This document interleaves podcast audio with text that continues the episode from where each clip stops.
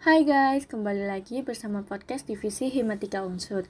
Nah, untuk kali ini, aku Laila Ramadhani dari Divisi Kaderisasi dan Internal yang akan mengisi podcast ini. Untuk podcast kali ini, Divisi Kaderisasi dan Internal atau yang lebih sering disebut Karin, mau menjelaskan tentang apa sih insecure itu. Sebelumnya, teman-teman pasti udah nggak asing nih sama yang namanya insecure kan? Dan pasti dari teman-teman juga ada yang pernah merasakan insecure atau bahkan sekarang-sekarang ini nih sedang merasakan insecure terhadap sesuatu. Nah, aku mau mulai menjelaskan ya tentang apa itu insecure. Insecure adalah perasaan cemas, tidak mampu, dan kurang percaya diri yang membuat seseorang merasa tidak aman. Akibatnya, seseorang yang insecure bisa saja merasa cemburu, selalu menanyakan pendapat orang lain tentang dirinya, atau bahkan berusaha memamerkan kelebihannya. Perasaan tidak aman atau insecure merupakan sesuatu yang sebenarnya normal saja terjadi. Namun, pada sebagian orang, perasaan insecure ini terjadi terus-menerus. Dari divisi Karin sudah melakukan survei beberapa waktu yang lalu. Berikut adalah contoh beberapa rasa insecure yang dialami oleh kebanyakan orang, khususnya mahasiswa. Oke, yang pertama itu aku insecure, nggak bisa akrab sama banyak teman. Terus yang kedua, prinsipnya nggak bisa nilainya bagus kayak teman-teman yang lain. Padahal aku udah ambis dan udah berusaha semaksimal mungkin. Terus yang ketiga pastinya aku insecure fisik. Yang lain teman-teman aku pada good looking. Terus yang keempat aku insecure itu udah gak good looking terus nggak punya doi. Ada beberapa hal yang menjadi penyebab seseorang merasa insecure Insecure dapat timbul akibat beberapa pengalaman buruk yang pernah dialaminya.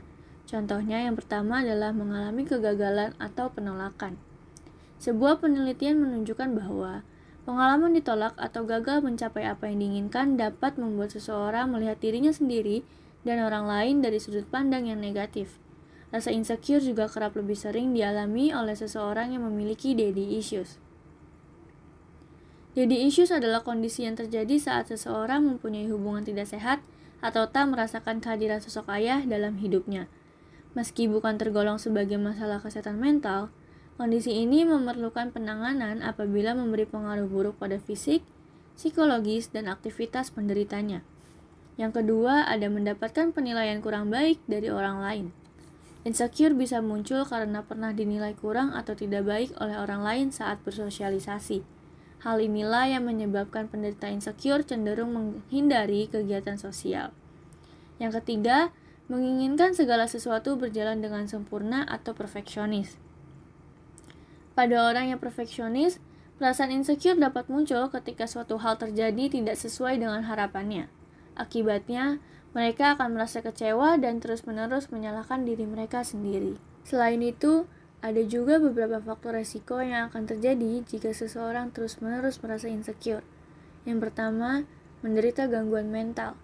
Beberapa jenis gangguan mental yang penderitanya cenderung mengalami gejala insecure adalah depresi, gangguan makan, gangguan kecemasan, gangguan kepribadian narsistik, gangguan kepribadian ambang, dan juga gangguan kepribadian paranoid.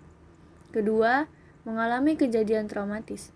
Perasaan insecure juga cenderung terjadi pada seseorang yang pernah mengalami kejadian traumatis, seperti gagal dalam membina hubungan, ditinggal mati oleh seseorang yang disayang, dipecat dari pekerjaan, terserang suatu penyakit, atau tekanan dari orang tua. Bagaimana cara kita mengatasi insecure? Membiarkan perasaan insecure secara berlarut-larut dapat menyebabkan gangguan pada kesehatan fisik dan juga mental. Selain itu, hubungan kita dengan orang di sekitar kita juga dapat terganggu. Hal tersebut tentunya akan berdampak pada aktivitas sehari-hari dan juga pekerjaan. Untuk mengatasi rasa insecure dan mencegahnya, lakukanlah sejumlah cara. Yang pertama, tepis pikiran negatif. Pusatkan pikiran kita pada hal-hal positif yang pernah dilakukan, seperti membantu tetangga membawa barang atau membantu teman dalam mengerjakan tugas. Dengan begitu, kita tidak perlu memikirkan kekurangan atau hal-hal negatif pada diri kita. Yang kedua, terima hasil yang tidak sesuai dengan keinginan kita. Cobalah untuk menerima hal-hal tersebut dengan menganggap bahwa itu normal terjadi dalam kehidupan. Misalnya, jika kita mengalami situasi yang membuat kita malu atau tidak percaya diri, cobalah untuk melihatnya sebagai sesuatu yang lucu. Ketiga, ubah kegagalan menjadi sebuah motivasi. Berhentilah membenci dan menyalahkan diri sendiri jika kita mengalami kegagalan. Jangan melihat kegagalan tersebut sebagai suatu hal yang memalukan, tapi sebagai suatu pengalaman yang dapat menjadikan diri kita menjadi lebih baik lagi. Yang keempat, luangkan waktu bersama orang terdekat. Habiskan sebagian besar waktu kita bersama orang-orang yang mencintai kita dan jauhi orang-orang yang membuat kita merasa insecure. Cara ini akan membuat kita lebih percaya diri dan lebih melihat diri kita dari sisi yang positif. Yang kelima, bangun harga diri dan keyakinan diri. Mulailah untuk menikmati keadaan yang kita jalani saat ini dan fokus pada hal-hal yang kita sukai. Bangun perasaan bangga akan diri kita sendiri dan apa yang kita bisa lakukan. Susun target-target yang ingin dicapai dan buktikan bahwa diri kita sanggup melewati tantangan tersebut. Perlu diketahui, perasaan insecure tidak mudah untuk dihilangkan. Oleh sebab itu, kita harus bersabar dalam melakukan langkah-langkah di atas. Jangan menyerah bila kita masih mengalami perasaan insecure.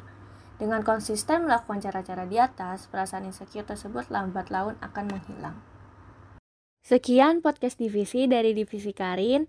Terima kasih buat teman-teman semuanya nih yang sudah mau mendengarkan podcast ini sampai selesai.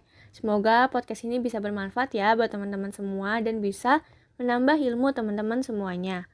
Mohon maaf apabila dalam podcast ini banyak kesalahan kata karena di sini kita juga masih sama-sama belajar. Sekian dari aku. Wassalamualaikum warahmatullahi wabarakatuh.